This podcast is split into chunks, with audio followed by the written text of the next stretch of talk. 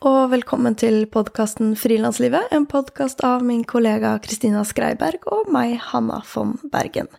Vårt mål med denne podkasten er å være en faglig og inspirerende kanal for alle dere som jobber for dere selv i medie-, kunst- og kulturbransjen.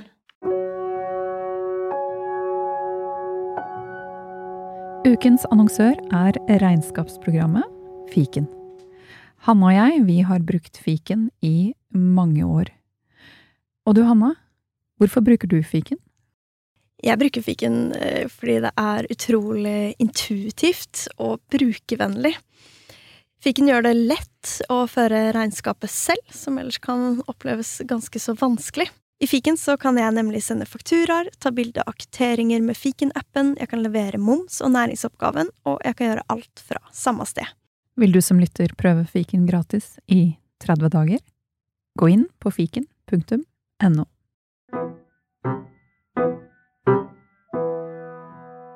I denne episoden skal Hanna og jeg snakke om hvordan vi, i vår frilanshverdag, forholder oss til omstilling og endringer i livet som krever at vi må oppsøke nye retninger, gå nye veier.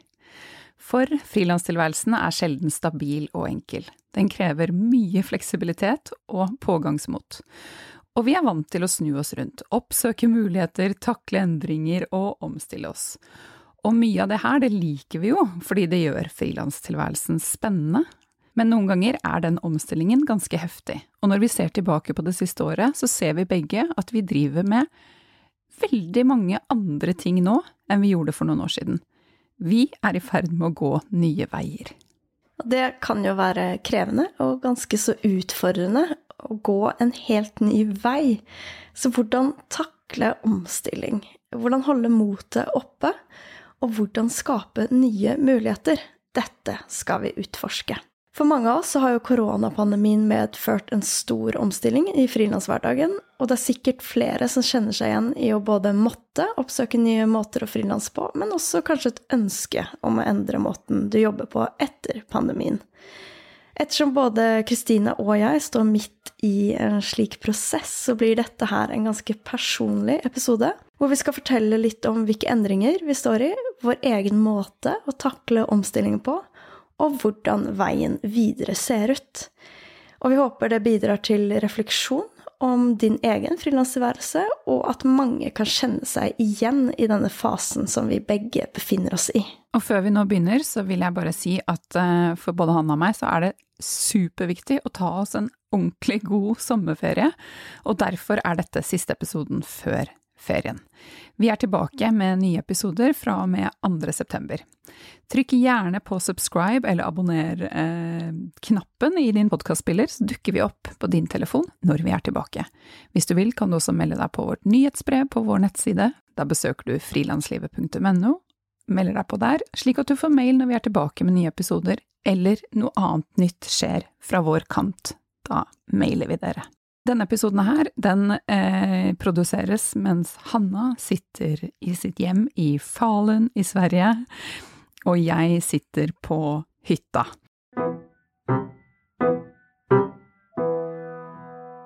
Du, Hanna, vi, kan, vi begynner med deg, vi da. det er alltid lett å kaste ballen til en annen. Eh, men det har skjedd så mye i ditt liv, eh, også fysisk. Altså, du bor et annet sted. Fortell. Yes.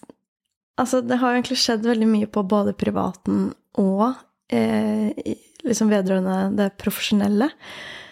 Det første er jo at jeg har flytta fra Oslo til Falun, som da ligger i Dalarna i Sverige. Ca. seks-syv timer unna Oslo. Og eh, det er fordi min eh, samboer er svensk. Eh, min mamma bor faktisk også her. Og jeg har aldri jeg har ikke noe forhold til Falun fra før av, utover å komme litt hit på ferier i ny og ne. Så det har vært en ganske sånn stor omstilling, og den skjedde jo egentlig på grunn av koronapandemien, hvor vi befant oss litt i en situasjon hvor vi skulle ta et valg, hvor vi skulle flytte. Og nå er jeg her. Men så har det også skjedd en del andre endringer, og det er eh, jeg har egentlig gått fra å veldig lenge ha en deltidsjobb og ca. jobba som 50-60% og hatt liksom stabil inntekt, og så har jeg frilansa i tillegg, så halvparten er frilansa.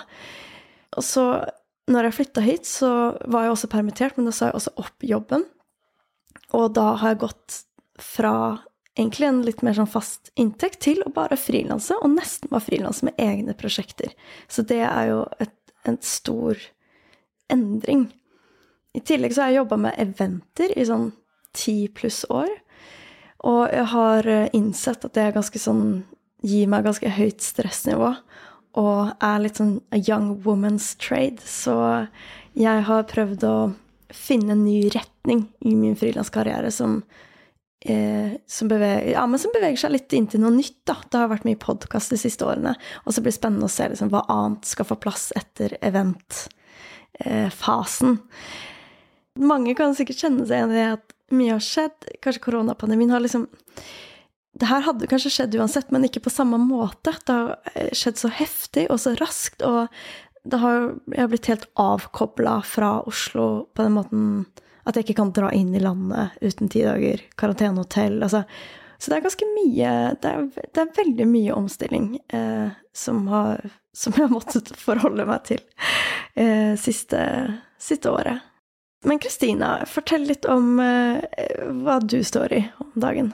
Oh, ja um, Hvor skal man begynne? Jeg uh, er også i en sånn i en prosess som jeg tror ble fremskyndet veldig av eh, pandemien. Um, jeg husker jeg var eh, på en reise i februar, før pandemien, og besøkte kusinen min og hjalp henne å flytte hjem. Hun bodde i New York. Og da tenkte jeg at um, jeg lurer på om jeg ikke kan jobbe helt sånn som jeg har gjort til nå, lenger. At jeg, jeg, kanskje jeg på sikt må endre måten jeg jobber på. Og det, da hadde jeg vært eh, mye frem og tilbake hos legen min, fordi jeg over flere år har hatt kjempemye vondt i ryggen min. Eh, sånne smerter som er der hele tiden, og det har vært der i nesten 15 år. Og det er jo egentlig helt utrolig å tenke på at det har, det har, vært sånn i 15 år, og det Nå det kanskje ut som jeg ikke har tatt tak i det før da for et, et og et halvt år siden, det har jeg, men jeg har også eh, hatt små barn, og hverdagen har bare løpt, så jeg har ikke helt hatt tid til å stoppe opp og tenke nå må jeg finne ut av hva dette her er. Eh, så jeg har bitt tenna mye sammen. Det tror jeg handler om at jeg på en måte trodde det bare skulle være sånn. Fordi det kom gradvis og det var ikke én ting som utløste det, og jeg tenkte sånn wow, i dag har jeg det helt annerledes enn jeg hadde i går. Så mm, ja, for et par år siden så begynte jeg å tenke at nå har jeg litt eldre barn, jeg eh, må ta mer eh, hensyn til meg selv, jeg må finne ut hva dette her er, og begynte en slags eh, reise, som det heter så fint, eller en prosess hvor jeg eh, ser at no, noe må jeg gjøre annerledes. Og da var jeg gra, hva heter det, gradvis sykemeldt, delvis sykemeldt, en periode den vinteren før pandemien, og så kom plutselig pandemien, og da stoppet egentlig denne prosessen litt opp igjen, fordi eh, hjemmeskole, kaos, eh, bla, bla, bla. Men nå er jeg i ferd med å ta det opp igjen. Eh, eller det har jo vært der hele tiden, men jeg har i løpet av pandemien tatt en yogalærerutdannelse. Så det er et steg i den retningen, altså fordi yogaen er det som det har holdt på med i 15-20 år. Eh, og det er det som gjør at jeg har det bra. Eller sånn når jeg har gjort yogaen min, så kan jeg gjøre alt det andre også, men det må liksom ligge der i bunn. Mm, at det hjelper mot liksom, de smertene? Det hjelper med å myke opp hele kroppen min og finne roen og finne en balanse og møte meg selv og kjenne på hva jeg trenger. Eh, både å komme inn i egen kropp, men også å ha et rom hvor jeg eh, kommer i kontakt med hva jeg har behov for, da. Så da har jeg tatt en yogalærerutdannelse, og eh, tror at jeg etter hvert kommer til å jobbe mer med yoga, går og eh, eh, ja, koker opp eh, Det koker mye i toppen for tiden, fordi jeg har fått en idé da, om et, eh, en yogabusiness som jeg har lyst til å starte. um, som jeg tror kan hjelpe meg i å både jobbe mer med bevegelse selv og dele av egne erfaringer osv.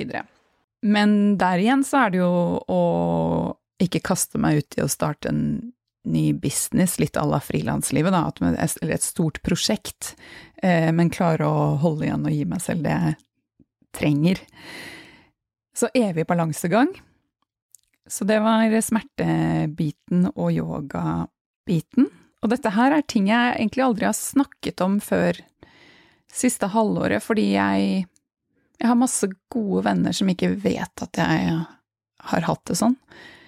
Fordi jeg bare har tenkt at det er bare noe jeg har, og det hjelper ikke at noen vet det, og jeg må bare deale med det. Og den evige bare tåle egentlig for mye, da. Um, men nå har jeg Jeg driver og øver meg på å snakke om det og integrere det i meg selv og i eget liv, da. Så dette er en del av øvelsen. si det i frilanslivet! Episoden vår. Hello world! jeg syns det er skikkelig, skikkelig fint at du deler om det. Og jeg vet at det er en ganske tøff prosess. Ja, det stikker jo mye, mye, mye dypere enn det jeg forteller om nå, for det, nå prøver jeg å, å, pakke det litt mer inn i sånn hvilke rett, hva som har endret seg i mitt liv, og det er på en måte da yogaen, og grunnen til det er eh, smertene og den innsikten i at jeg nok må bevege meg mye mer i hverdagen min. Så en stor omstilling for deg også? En stor omstilling. Og en stor omstilling fra Fortell litt om det, liksom fra jobbe som frilansjournalist, og hvordan på en måte innholdet har endra seg i, i, det du jobber med?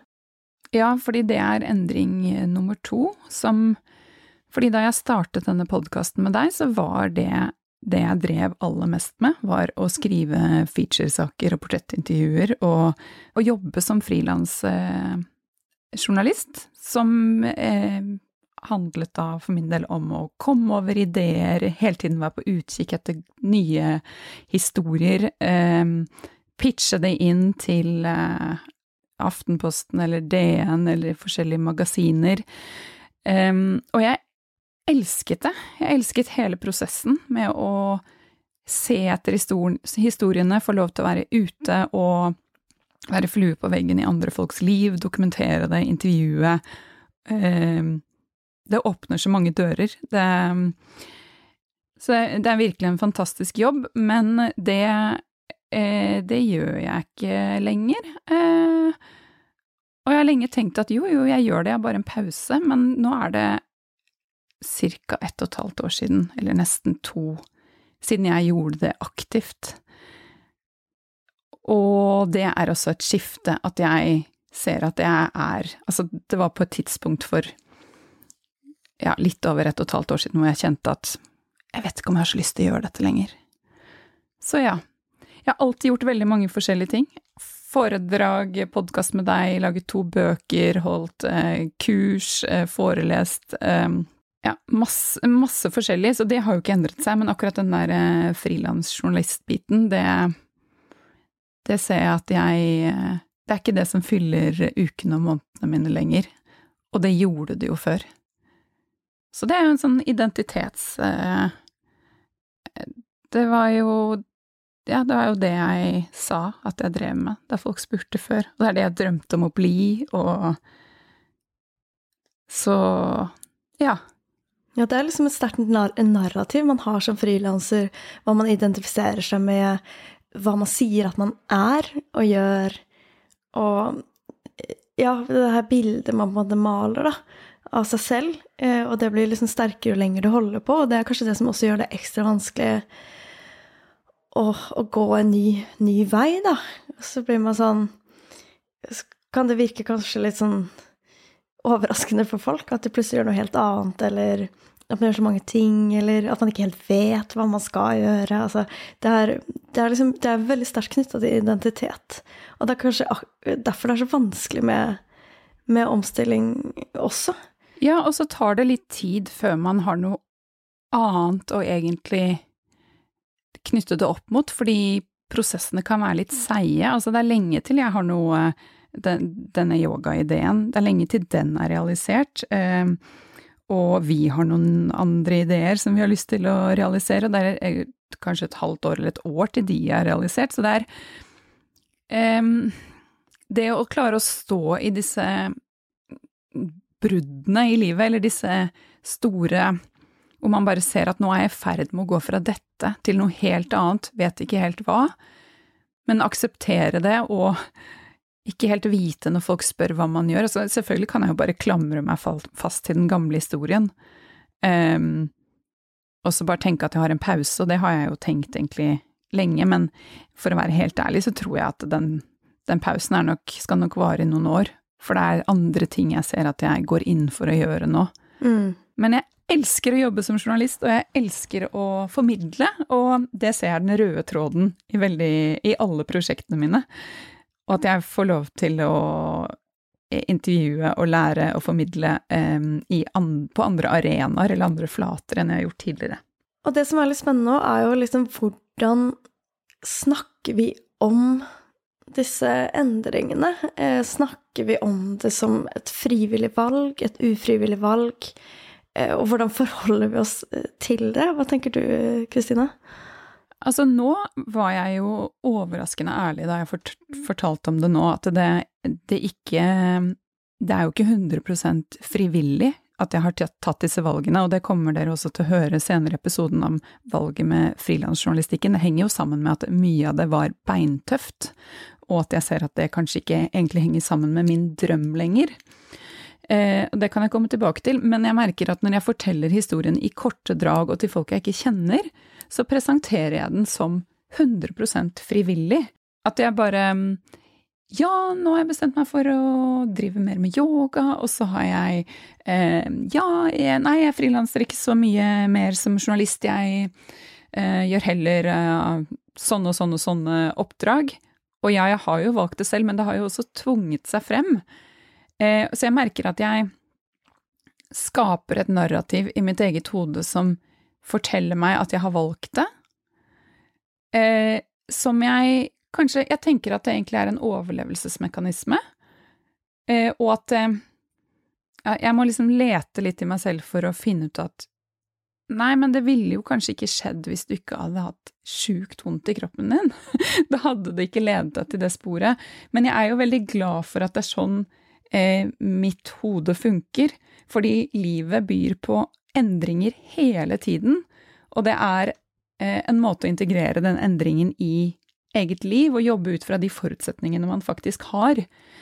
Så det å samarbeide med egen situasjon og tenke at ja, men det har jeg valgt, ut ifra mitt eget utgangspunkt, og at man må jobbe ut ifra det fremfor hva ville jeg valgt hvis jeg kunne velge hva som helst, da ville det jo vært noe annet.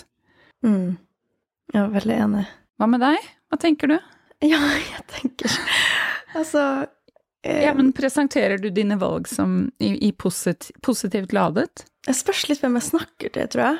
Fordi det å flytte til Sverige er jo egentlig det er frivillig fordi jeg har veldig sterkt ønske om å flytte sammen med min kjæreste og bli samboer. Og etter å ha pendla i ett og et halvt år, så er det helt fantastisk å kunne bo sammen og ha en hverdag sammen. Eh, men samtidig så er det jo på en måte ikke helt frivillig at At eh, Altså, i en ideell verden så hadde jeg kanskje bodd i Oslo, og Kalle hadde kommet fra Oslo og også bodd der. Og så hadde vi møttes der, og livet kunne bare fortsatt sin vante gang, og man kunne bare flytta sammen og beholdt liksom resten av livet, da, som det var.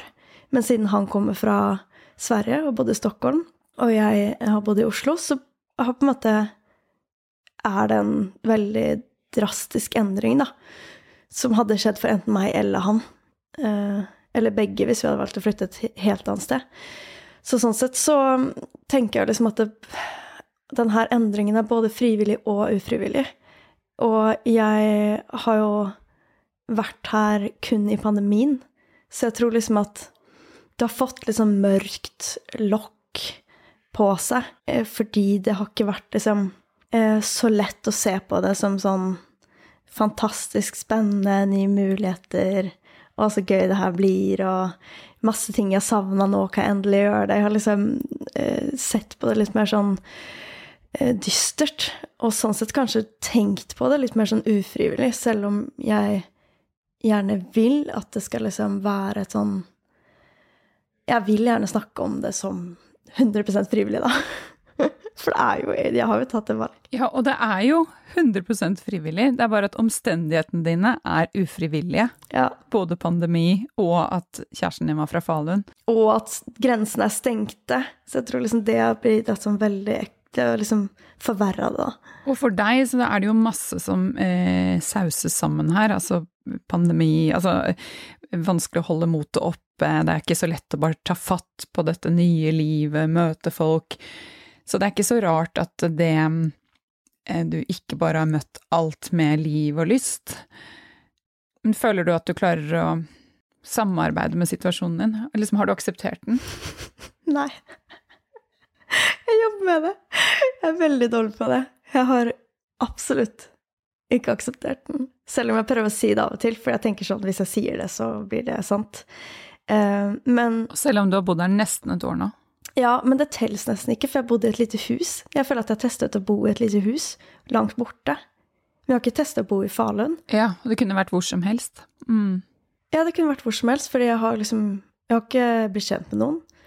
Eh, og så det er liksom sånn Eller jeg har blitt kjent med Kalles venner, men, men jeg har ikke liksom skapt noe eget, da. Så jeg tror at det, føles litt ut som det er nå det starter, egentlig.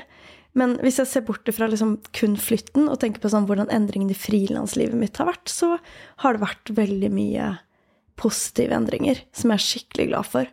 Og på en måte så har pandemien trøkka fram avgjørelser, som f.eks. å si opp jobben eller deltidsjobben og gå liksom 100% for frilansing. Og det har vært helt fantastisk. Å kunne nesten bare jobbe med egne prosjekter. Så sånn sett så er det jo veldig mye som har oppstått også som er ekstremt positivt, som jeg er skikkelig, skikkelig glad for. Det er jo helt fantastisk. ja, veldig. Men vi var jo inne på dette med identitet. Er det noe identitet knyttet opp mot opp til det å jobbe med eventer, kultureventer for deg? For det drev du jo med i flere år. Jeg tror det er identitet knyttet opp til det at jeg er litt der det skjer. Jeg er, har vært veldig sånn sterkt knytta til Oslo. Oslo har vært min identitet. Jeg elsker Oslo. Jeg har ikke egentlig hatt noe behov for å flytte. Jeg har på en måte elska venner, byen, jobben. Eh, så sånn sett så er det jo Det kjenner jeg er vanskelig. At min identitet er ikke å bo ute på landet og ha liksom gro grønnsaker og ha hund og barn. Eh, så jeg prøver liksom å finne en balanse, da, hvor det er sånn Hvordan kan jeg hvordan kan jeg finne min identitet her i Falun også? Ja, hvordan gjør du det? Altså, hva gjør du for å ikke miste deg selv inni det lille huset på landet? For det er sjukt mye læring i dette, tenker jeg. Ja. For andre. Ja. Jo, jeg tenker at det er en skikkelig seig prosess. Jeg tenkte i starten, så var jeg litt sånn der Vet du hva, jeg skal bare liksom angripe Falun, tenkte jeg. Jeg skal sende mailer, jeg skal ta møter, jeg skal bli kjent med masse folk. Jeg skal bare gå ut og gjøre det jeg gjør, da, som er litt den der at man bare går for det. Men så har det vært på en måte sånn vanskelig å treffe folk i en pandemi. Det fins muligheter, men jeg har også blitt litt sånn ah, Litt knekt av det.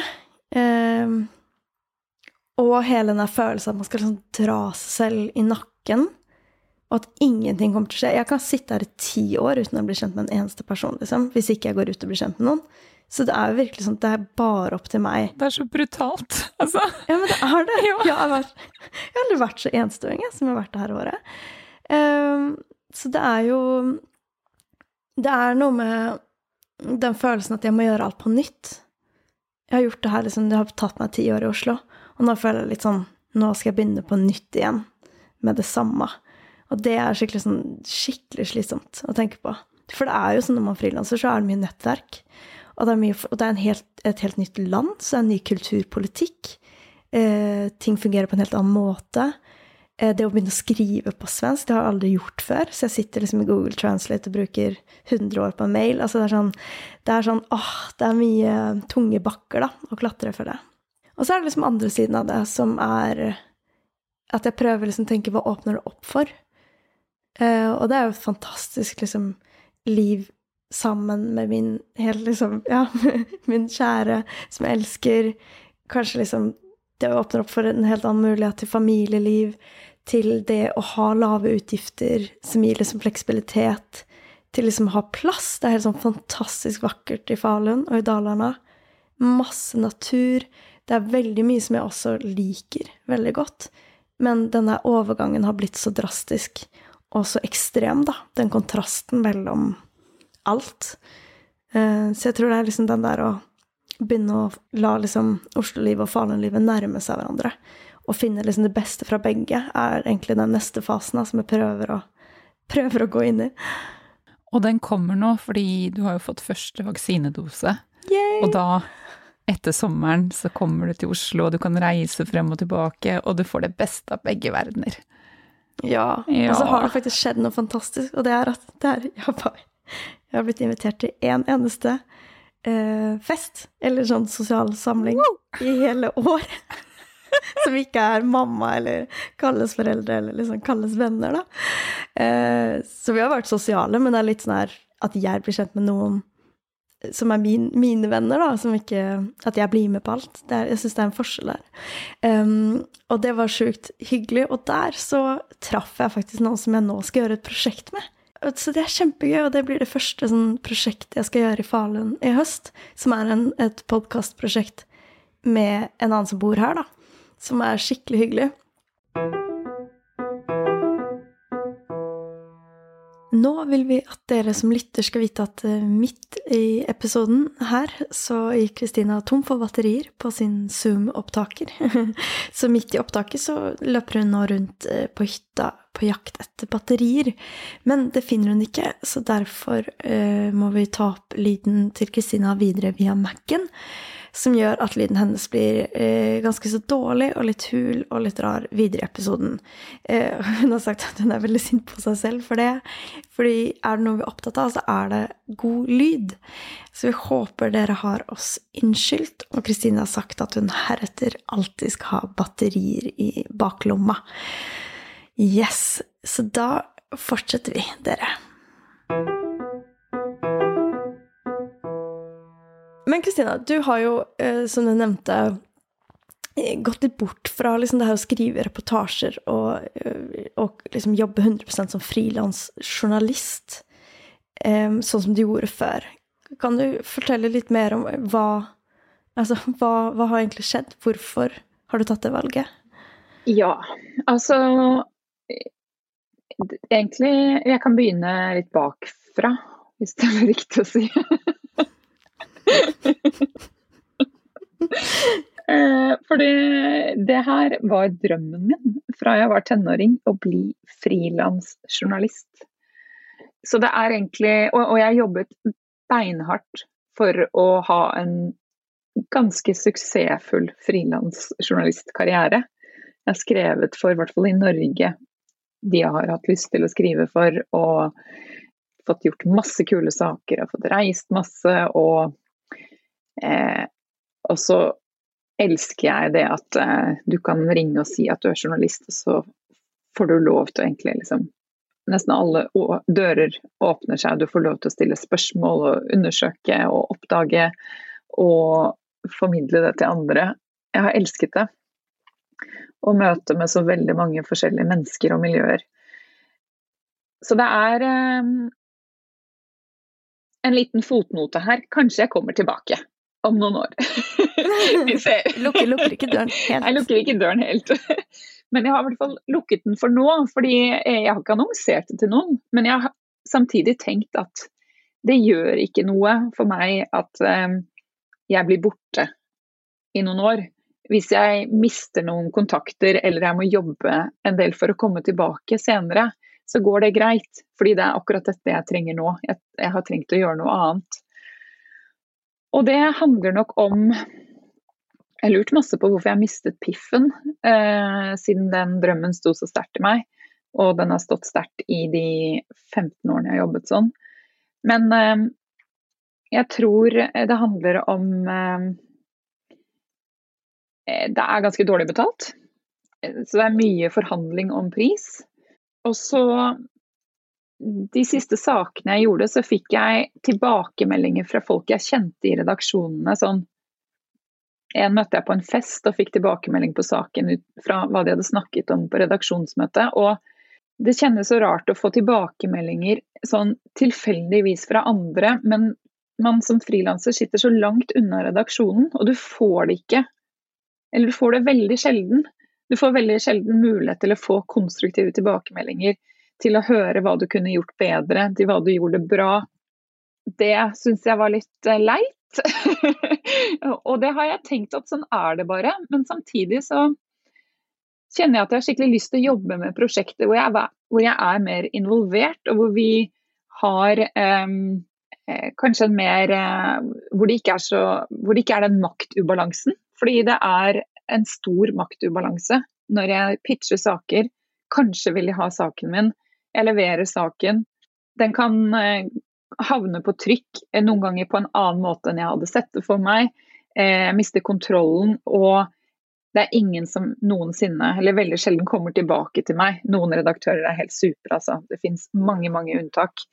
Men det er også veldig eh, mange som opplever at man eh, Så var du Du har levert det du skulle, og så er du på en måte glemt. Eh, også det å sende mailer og pitcher, og noen svarer ikke.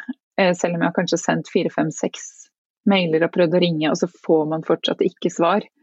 Ja, det er ganske sånn hardt klima? Det er veldig hardt klima, og jeg har holdt på lenge. Jeg har eh, Altså, mange kjenner til eh, navnet mitt. Jeg holder masse kurs om å jobbe som frilansjournalist, om å pitche.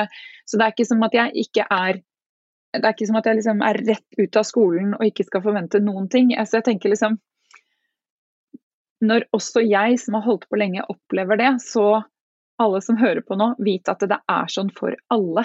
At det er ikke Altså alle, alle føler på det, eh, uavhengig av erfaringsnivå. Og det eh, er beintøft. Og det går greit at ting er beintøft for meg personlig, når det er min drøm. Når jeg kjenner at jeg elsker alle andre sidene ved det. Um, og jeg elsker å være ute på oppdrag, og jeg elsker å se saken på trykk. og men nå har jeg fått andre drømmer, og da kjenner jeg at da er jo ikke det det jeg gidder lenger. Fordi andre ting har blitt viktigere. Og da kan jeg ikke jobbe så hardt samtidig som jeg skal oppnå drømmene mine. Da kan jeg ikke eh, liksom kjempe så mye for det lenger. Man kan kjempe når man virkelig vil det. Så det er ja, det er bare mange sånne dråper som fikk, eh, fikk, det til å renne litt over det siste kanskje halvåret for, for et par år siden. Da. Ja, det skjønner jeg virkelig. Det er jo Jeg kan se for meg at det er ganske tærende i lengden å på en måte hele tida stå i det, for du må liksom ha så tøff hud hele tida. Og, eller hva skal jeg si, tjukt, uh, lager. Ja, og jeg Sånn som jeg har jo gitt ut to bøker, og nå har jeg jobbet som redaktør på et um, nydelig magasin som kommer ut til um, uh, etter sommeren. Uh, og jeg elsker å få lov til å jobbe med journalistikk uh, på den måten, og, og, få fortsette å jobbe med det. Og det vil jeg veldig, veldig gjerne gjøre, for jeg har journalistikken og historieformidlingen i ryggraden min. Men jeg ser at der hvor jeg får jobbe på prosjekter hvor um, hvor vi er et, et, lag som jobber mot det samme, og man blir eh, lyttet til. Og altså det er Og folk er gode med deg. Og altså det derre miljøet rundt har blitt så viktig for meg. Jeg ser at jeg vil, jeg vil jobbe på prosjekter hvor folk er snille og gode og greie med hverandre og behandler hverandre med respekt. Mm. Yes. Det er veldig fint. I alle prosjekter jeg gjør. Ja. Jeg også. ja. Så det er jo kanskje der det ligger. Ikke det å gjøre jobben, men det å levere fra seg jobben og hva som skjer der, og den kommunikasjonen rundt arbeidet. Mm. Ja, jeg syns det er veldig tøft av deg å ta det valget og liksom oppsøke nye måter å fortsatt jobbe med journalistikk på, men hvor du kan endre litt denne prosessen og, og måten du jobber med det på. Ja, for det kommer til å være, og er mye, jeg savner ved det òg. Så det er det å finne andre arenaer hvor man, hvor man kan holde på det man liker best ved det, men finne andre former, da. Jeg kan jo bare flike inn og si at det her er jo også noen av grunnene til at jeg har beveget meg litt bort fra eventbransjen. Eh, jeg elsker jo å arrangere kultureventer, men det er eh, også ofte ganske dårlig betalt, veldig høyt tempo, ekstremt stressende, eh, og skal skje på ekstremt kort tid. Så det er noe med liksom systemet rundt som også har vært ganske tærende, og som jeg kjenner at ikke helt fungerer å gjøre fulltid i lengden. Kanskje jeg kan gjøre noen eventer i ny og ne, akkurat som du kan skrive noen saker i ny og ne, men det, det, blir liksom ikke 80-100% av det man driver med. Det, det, for min del så orker jeg ikke det, rett og slett. Og så tror jeg man må bare prøve å tenke at ting går i faser. Jeg kan jo lett tenke nå at å, men skal jeg drive med podkast og yoga, blir det liksom Er det det jeg skal gjøre? Eh, kanskje litt redaktøroppdrag, kanskje skrive på noe eget. Altså, det høres egentlig helt nydelig ut. Eh, men samtidig så lurer jeg noen ganger på hvor mye nytt skal jeg lære meg i løpet av livet mitt. For jeg føler jeg har lært meg så mye allerede. Og hatt så mange hatter. Eh, men så må man Det er jo det å ha mange hatter er jo det som gjør at jeg kan gjøre det òg. Så kanskje man bare skal liksom ja, omfavne det. At man er en potet.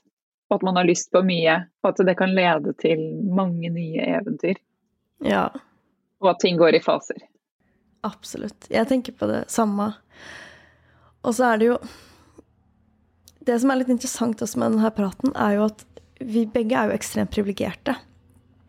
Som får lov til å jobbe med det vi vil selv om det er masse hardt arbeid og slit. Og, og, det er kanskje det som også skaper for meg litt den her uh, konflikten i meg, er at jeg på en måte I, Sverige har man det her uh, uttrykket 'offerkofta'. At man tar på seg en offerkofta. og det er herlig. og, og jeg har vært veldig sånn jeg prøver liksom å ha perspektiv at ja, men shit, jeg er så heldig. Jeg kan bo hvor jeg vil, jeg kan jobbe med hva jeg vil. Eh, jeg har på en måte alle forutsetningene. Det går bra økonomisk. Det er liksom det er jo utrolig mye fine ting, og likevel så har jeg vært utrolig mye lei meg det her året og hatt det veldig vanskelig. Og det tror jeg Jeg tror absolutt det blir lettere etter pandemien. Eh, men det er en konflikt i liksom det å, å, føle at jeg burde bare være eh, takknemlig og, eh, og liksom tenke på hvor privilegert jeg er.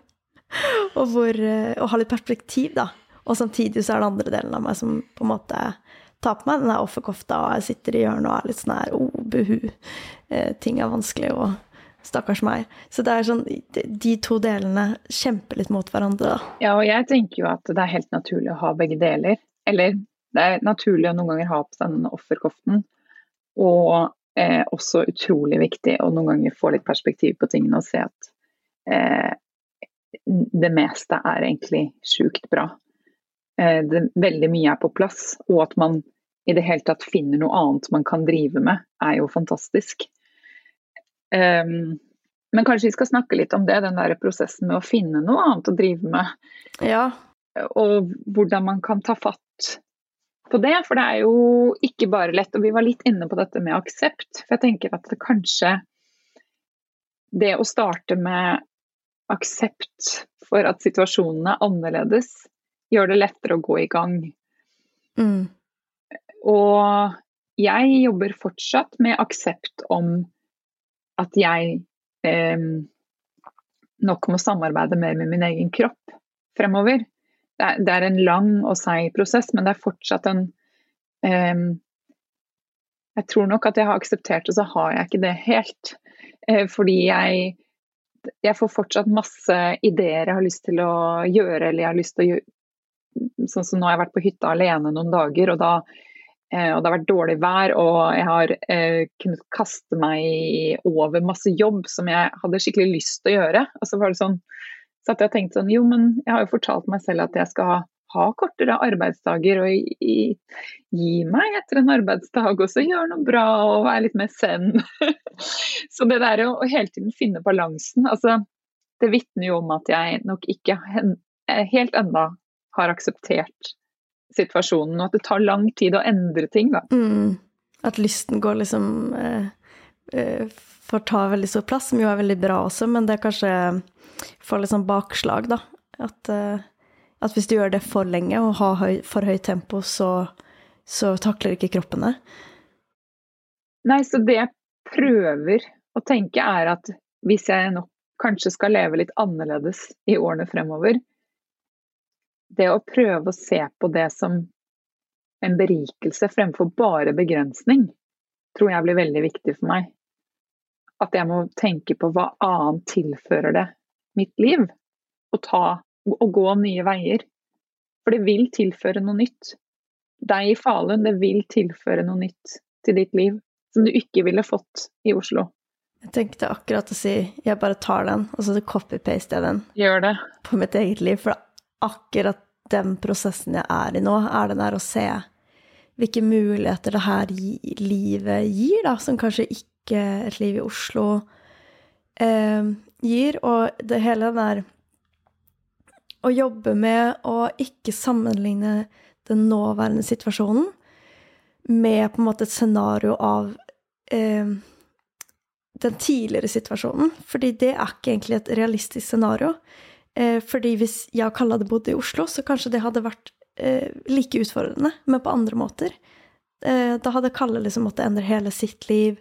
Jobb, finne folk. Eh, eh, det er liksom økonomi Altså det er Så det er noe med å liksom sammenligne Altså du kan ikke helt sammenligne, fordi det er ikke sammenlignbart alltid. For den situasjonen du står i nå, har ikke liksom et uh, reelt alternativ, da. Som, for det er veldig fort gjort å bare tenke at gresset er grønnere på andre siden, og hvis jeg bare kunne bodd der, så hadde alt løst seg, og Men, men uh, sånn er det jo heller ikke. Nei, ikke sant. Og det er jo Jeg vet ikke om det blir riktig parallell, men sånn hvis jeg hadde eller det er jo lett å tenke sånn Å, hvis jeg bare ikke, ikke, hadde hatt noe vondt i kroppen og kunne gjøre alt jeg ville, så ville det ville vært så mye, mye bedre.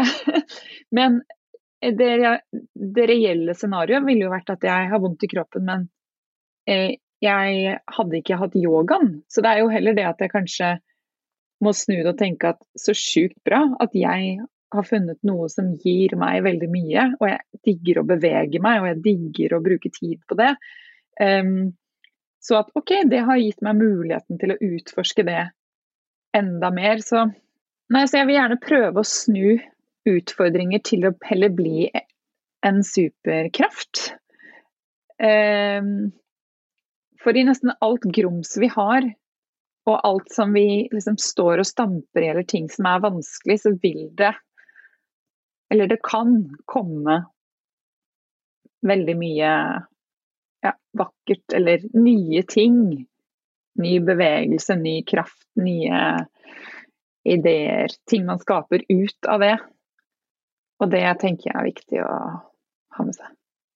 Det mulighetsrommet, jeg har tenkt mye på det i forhold til Falun, som jo er en mye mindre by, det bor rundt 40 000 her. Um, så det er mye nærmere til på en måte de som tar valg, til de som er i kommunen, til Det er ikke like mange om beinet, det er veldig velkomment at ting skal skje. Altså, ikke ha så dårlig tid. Det tror jeg er en veldig viktig læring for meg, som jeg er ekstremt dårlig på, som, jeg, som er skikkelig viktig. Og det er det der at jeg kan ikke på en måte Jeg kan ikke skape drømmelivet i, en, i et nytt land, i en ny by, på et halvt år. Altså at det tar, det tar tid. Ja, og ikke forvente at man skal få så kjapt svar på disse store spørsmålene i livet. Hva man skal drive med, eller hva blir poenget med det, eller hvor, når finner jeg ut Finner jeg det jeg virkelig vil, eller når uh, begynner det å gå, gå, på skinner? Altså Det um, Livet er en seig uh, Seig jævel. Seig suppe, ja. Og det skal det være også. Og jeg, jeg og Kalle har snakka veldig mye om at vi må liksom endre perspektiv fra sånn Når vi har stått liksom midt i døråpningen mellom Oslo og Falun og vært sånn Skal vi bo i Falun, skal vi bo i Oslo? Og så har liksom det har svinga fram og tilbake, da, litt sånn fra dag til dag. Og så har vi liksom hele tida når vi gikk inn i det her prosjektet Det var jo fordi Kalle ikke fikk lov til å komme inn i Norge. Og så var det sånn ok, vi tester Falun, det er perfekt timing for liksom det. Det var et lite hus som ble ledig. Det var veldig sånn smidig på en del måter.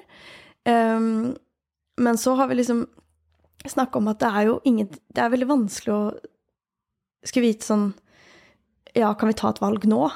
Eller en uke senere, kanskje nå kan vi ta et valg. Fordi hva skal vi egentlig basere det valget på?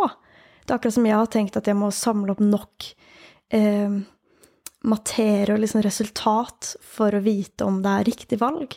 Men jeg tror jeg må liksom snu helt på den prosessen og si sånn Vi går for Falun, og så eh, får vi heller ombestemme oss hvis det ikke funker.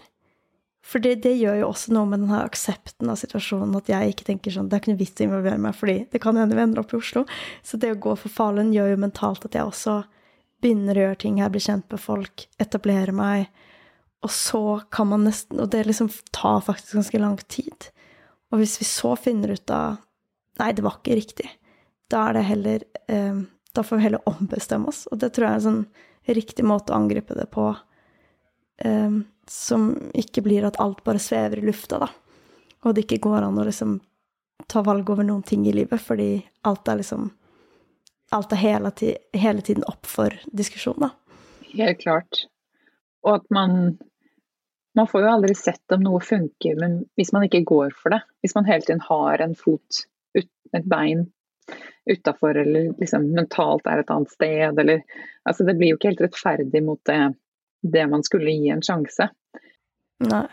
Og så tror jeg man kan være redd for å gå eh, 100 inn for noe fordi man Ja, men det er jo ikke sikkert det er det jeg vil, eller hva hvis jeg kaster bort tiden min på det? Men det er bare da man får en ordentlig opplevelse av å være i det man er i. Om det er å prøve å skrive en roman, eller om det er å bo i Falun. Altså, hvis, man bare, hvis man virkelig gir det en sjanse, det er da du både har en god egen prosess og ja, gir prosjektet den respekten det fortjener, da. Ja. For jeg tror det er superviktig. Ja, det føler jeg, føler jeg er en øvelse.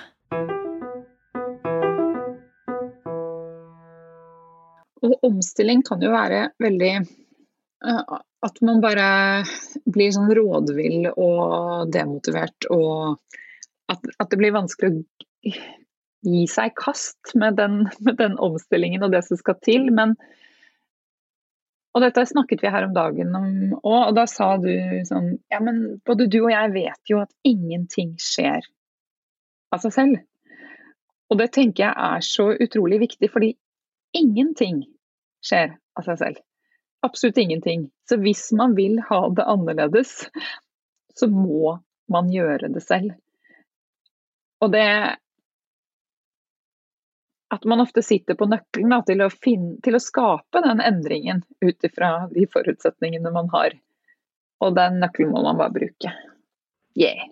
Mm. Ja, men det må man. Og det er skikkelig ah, Det er en hard sånn Ja, men det, det, er så ah, Det er så utrolig viktig. Og jeg har følt så ekstremt på det, fordi at jeg er vant til at det ruller og går litt mer. Men det er jo fordi at jeg har bygd et nettverk har prosjekt gående. Folk kontakter meg fordi de vet at jeg jobber med ting. Eh, mens her så vet jo ingen at jeg eksisterer. Altså sånn, Mamma kan si at jeg har flytta hit, liksom. Men utover det så er det jo ingen som vet at jeg er her. Så da er det jo helt umulig at det skal skje noe spennende i min frilanskarriere i Falun hvis ingen vet at det eksisterer. Ja, og det tenker jeg er en viktig innsikt at ingen vet at du eksisterer. Fordi da er det jo ganske opplagt at det ligger på deg. Det er ingens feil at ikke du har hatt et mer sosialt år. Jo, det er covid sin feil, men det er, det er ingen andre eh, det, det, er ingen mennesker å skylde på. Så det, det må komme fra deg. Ja, det må det. ja, det må komme fra deg, Hanna. Ja. Endringer for min del skjer ofte sånn når når jeg er i et litt sånn frustrert, en frustrert situasjon og kjenner at, kjenner at det, det, er ikke, det, er ikke, helt Det sitter ikke helt akkurat nå. Det er ikke akkurat sånn her det skal jeg skal ha det, og at den situasjonen eller den frustrasjonen blir verre enn å Det blir verre å ha det sånn, hvis jeg har gått sånn en stund, enn å gjøre noe med det. Mm. Det er veldig sant det du sier der. Og når det gnager hardt nok, da, da gjør man noe med det. Forhåpentligvis. Så ikke la det gnage dere i stykker. Nei, men det er liksom hva følelsene bygger seg opp, og så til slutt så får man liksom spark i ræva og bare OK, da sender jeg den mailen eller tar kontakt, eller det, det gjør også at Ja, for man tenker sånn Eller jeg har i hvert fall tenkt eh, Sånn her kan jeg ikke ha det. Så jeg må gjøre noe. Men mange jo... ganger må det jo gnage ganske mange ganger før man har klart å endre seg, da. Ja, kanskje At man bare gjør de samme feilene om og om igjen. Men jeg år. tenker det bare er bra. Ja. et års gnaging. Jeg tenkte det, Hver dag i et år. Det var, det var nok. Ja, det gnager litt fortsatt. Ja, OK. Nei, men eller at uh... Nei, men da må man kjenne litt på sånn, hva er det som gnager nå? Hva, hva, hvorfor, hvorfor gnager det nå? Hva, hva handler det om? Da må du sette sette deg ned, ikke du altså Hanna, men alle, vi mennesker. Og liksom møte deg selv i det. Hva, hva er det som ikke liksom passer helt for meg nå?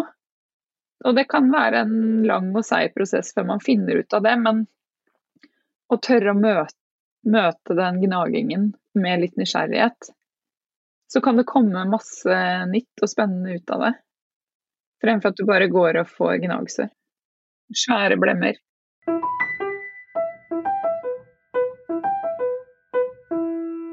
Det med å akseptere en omstilling eller akseptere en ny situasjon, um, nye rammer, um, en endring Jeg tror det um, I fall for min egen del så er det veldig nært knytta til det her med å uh, prøve å ta kontroll over ting. At jeg er litt dårlig på å slippe kontrollen. Og så tenke at jeg må liksom eh, Ja, være i det eh, usikre, det uvisse. Jeg prøver veldig ofte å ta kontroll over liksom hvordan jeg føler meg, eh, hva jeg jobber med, hvordan fremtiden ser ut. Um, og jo eh, mer kaos det blir, jo mer prøver jeg å ta kontroll, da. Men det er ikke alltid det som er uh, den riktige strategien, og det har vært spesielt vanskelig i en global pandemi og på en måte ta kontroll også. Ja, men det er litt gi slipp på kontrollen, tror jeg er veldig viktig å øve seg på også.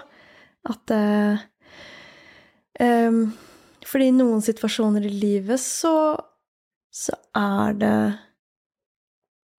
noe med at du kan ikke kontrollere det. Ja, og mye magi oppstår jo i det å la ting oppstå også. Men det er jo en balansegang, for vi får jo veldig mye gjort. Det får vi. og vi fikser jo ting sånn at det blir ofte ganske bra òg. Fordi vi vet at vi må gjøre ting for at det skal skje noe, så må vi ta noen steg, da. Ja. Jeg tror bare vi bikker litt over noen ganger. Ja. Nei, men at vi stoler litt mer på prosessen. At la det være litt seigt og trått og vet ikke helt hvor jeg går hen noen ganger tror jeg er bra for de som har et sterkt kontrollbehov. At man lar prosessen få lov til å gå sin gang litt også. Fordi veldig mye handler om å være i en udefinerbar prosess som kan være super ukomfortabelt. Men det skjer noe der òg, sannsynligvis. Hvis du er aktivt med i den, da. Mm. Ja, hvordan jobber du med det? For det er jo liksom så uhåndgripelig.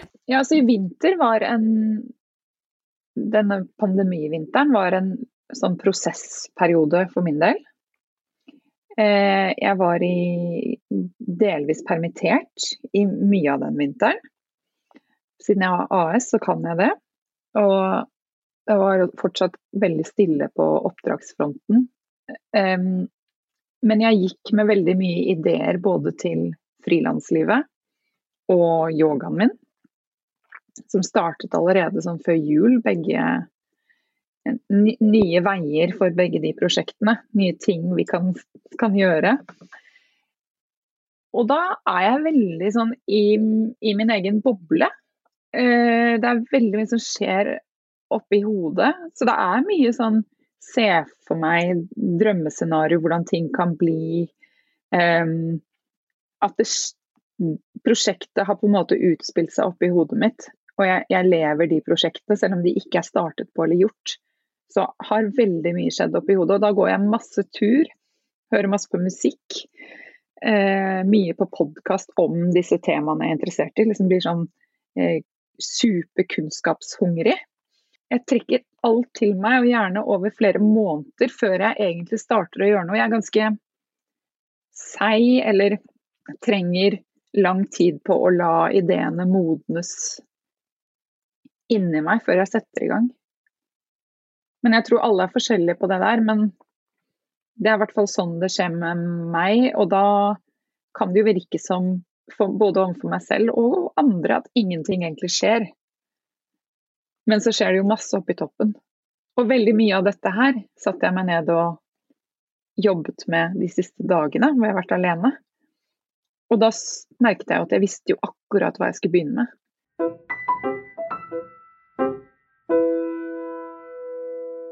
En annen ting som jeg syns har hjulpet, er å lage et slags sånn fantastisk drømmescenario for livet i Falun.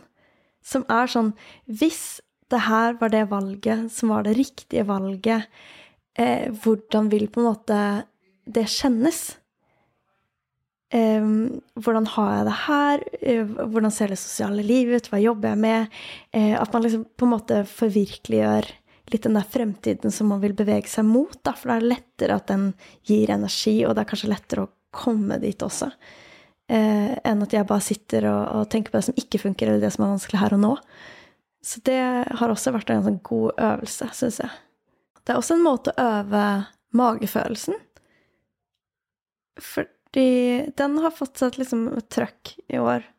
Hodet og hjertet har liksom blitt litt fjerna fra hverandre. Og, og jeg prøver liksom logisk komme fram til en løsning, men det der med å liksom eh, lage det fremtidsscenarioet tror jeg er med på å eh, lande det litt mer sånn i magefølelsen. For det er, tror jeg mange kan kjenne på sånn hvis man får et tilbud eller et prosjekt eller skal starte opp noe, så, så er magefølelsen ganske viktig å kjenne sånn Er dette riktig? Ikke bare er det smart, eller er det bra eh, læring, eller er det penger, eller Altså, men sånn der Kjennes det rett ut for meg? Um, så det Den også skal jeg liksom reclaime litt, da.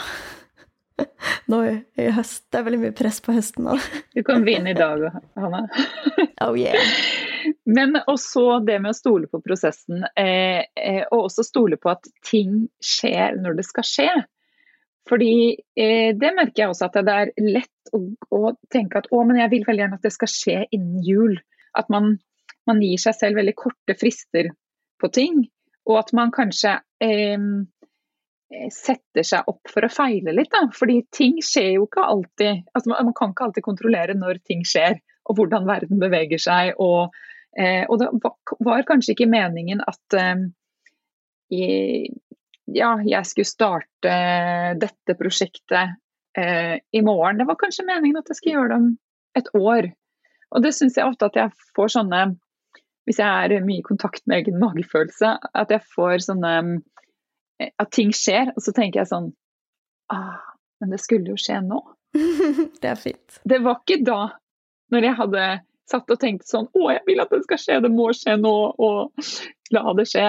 Sånn, nei, jeg var ikke klar for det da. Nei. Det er jo nå det skulle skje. Ting trenger å modnes. Ja, så vi kan ikke helt kontrollere når. Og så er det noen ganger det beste at det skjedde når det skulle skje. Mm. Ja. Aum. Ham, ham, ham. Jeg tror eh, de fleste av oss liker å kunne ting. Og liksom ha grep om og kjenne på kontroll og mestring. Eh, og det å gå en ny vei byr jo på alt annet enn det. Da er det først en lang og udefinerbar og kavet og sårbar eh, periode. Og så er det jo masse nytt å lære seg, hvor man kanskje må eh, lære seg, altså gå noen kurs, eh, få seg ny kompetanse, eh, prøve, feile, gå litt på trynet. Eh, og være, tåle å være uerfaren i noe. Og det kjenner jeg veldig på i denne yogautdannelsen jeg har hatt nå. Så har jeg i løpet av de siste månedene begynt å ha en gang i uken samlet Eh, så mange som har lov, to eller tre venninner til en yogatime i uken.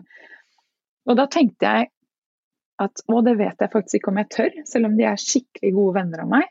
Fordi jeg liker å vise meg god i noe foran andre. Og jeg er ikke god i dette ennå. Jeg, jeg driver, driver, og lærer meg det her, og jeg har ikke funnet formen min, og jeg har ikke funnet min stil. Um, men så tenkte jeg, vet du hva, de, de, er skikkelig gode venner av meg. Jeg trenger å lære. De vil sikkert synes det er kjempehyggelig å ha yogatimer. Alt annet er stengt uansett. Og CS samtidig. Så jeg bare kastet meg ut i det og forklarte dem det. At dette her Nå inviterer jeg dere inn i en prosess. Um, og jeg eh, prøver og feiler og gir meg tilbakemelding, men med omsorg og varme. Um, men jeg vil gjerne invitere dere inn i den. Og det har vært en utrolig fin ting for meg og venninnene mine å slippe dem inn i det. Og litt nytt å være, for min del, å være helt fersk og uerfaren og prøve meg frem. Og det er jo godt òg å se at jeg liksom tør å vise meg sånn. Så det har vært utrolig fint. En fin læring for min del. Ja, det er veldig fint å lære seg litt det der med å um knytte på og av liksom egoet sitt, da, i ulike ting man gjør. Fordi det er helt sånn urimelig å tenke at man skal være veldig god i noe man ikke har gjort før. Uh, og du blir jo ikke god hvis ikke du øver deg. Og jeg kan relatere litt til det her med å snakke svensk, for jeg snakker jo svensk, men altså Det er ganske mye feil, og det er liksom ah, Det er litt gebrokkent og kommer i norske ord, og jeg føler meg ikke superprofesjonell alltid. Eh, men så tenker jeg at hvis jeg skal bo her, så gjør det livet veldig mye lettere hvis jeg også jobber på svensk. Eh, og at det er liksom kul mulighet å bli skikkelig god på det. Eh, men det også tar liksom ah, det, er liksom slitsom prosess. Men man må gjennom det, for å Ja, jeg har alltid beundret folk som lærer seg et nytt språk. Fordi vi er jo så avhengige av å kommunisere og prate med andre, og så tørre å vise seg så eh, sårbar, da, eller så Man blir veldig blottlagt når man ikke mestrer det helt. Så det syns jeg er kjempekult at du gjør. Og så er det litt deilig noen ganger, hvis man klarer å se det sånn, at, eh, at man fortsatt har ting å lære. fordi i noen perioder så gjør man jo veldig mye av det man kan, om og om, og om igjen. Eh, og så kan det bli litt monotont òg. Og så er det litt forfriskende å se at OK, her er jeg helt fersk. Her eh, Ja, her uh, har jeg masse forbedringspotensial. Og, og det, det, er, det, er, helt greit. Ja, det er fint. Så gå ut i den nye veien og prøv med om, omfavnelse. Overfor deg selv, og ikke minst når du møter folk hvor du viser, deg, viser frem den sårbarheten. og eh, informerer dem om det. Mm. Det er veldig fint. Hvis du vil. Ja. Mm. Jeg håper at dere kan kjenne dere igjen i å være i eh, en omstillingsprosess, eh, og at eh, Ja, at vi kan føle, føle at vi er i det sammen, da, er faktisk litt deilig. At man ikke føler seg så alene. Ja, og når det har skjedd for både deg og meg, ganske kraftig det siste året, så har det helt sikkert skjedd for flere. Mm. Mm. Absolutt. God sommer, alle sammen. God sommer. Jeg Håper dere får noen nydelige dager. Kos dere. Sett dere på en knaus eller på en strand eller en stein eller en gressplen og hvis det er et eller annet du drømmer om, bare lukk øynene og se for deg hvordan det kunne vært, og hvordan du har det når du går opp på den scenen eller skriver den boka eller ja jobber som et eller annet. Du får tenke deg en jättehärlig framtid der alt er mulig. Jeg elsker det, Hanna. Ja, jeg kan ikke ta svenska. Jeg er glad det ikke er meg. Altså. Kan du ikke ta noen strofer til? Um, och med neste avsnitt så kan vi bare prate svenska. Ah. Så kan vi se hvor bra, hvor bra det blir. Så kan jeg prate om svensk kulturpolitik. Ah, ja, det blir kjempespennende. det blir veldig spennende. Mm. Ja, og vi er tilbake 2 september med nye avsnitt. Så eh, kom ihåg att eh, abonnera på vår podcast. Och eh, ja, så ses vi. til en venn, en kompis. Jag vill rekommendera det här väldigt starkt. Ja. Hei da. Hej då! Hei da. Tusen takk til Bergensen-stiftelsen for tilskudd til denne podkasten. Bergensen-stiftelsen er en privat stiftelse som støtter allmennyttige formål, særlig innen kulturelle og humanitære samfunnsområder.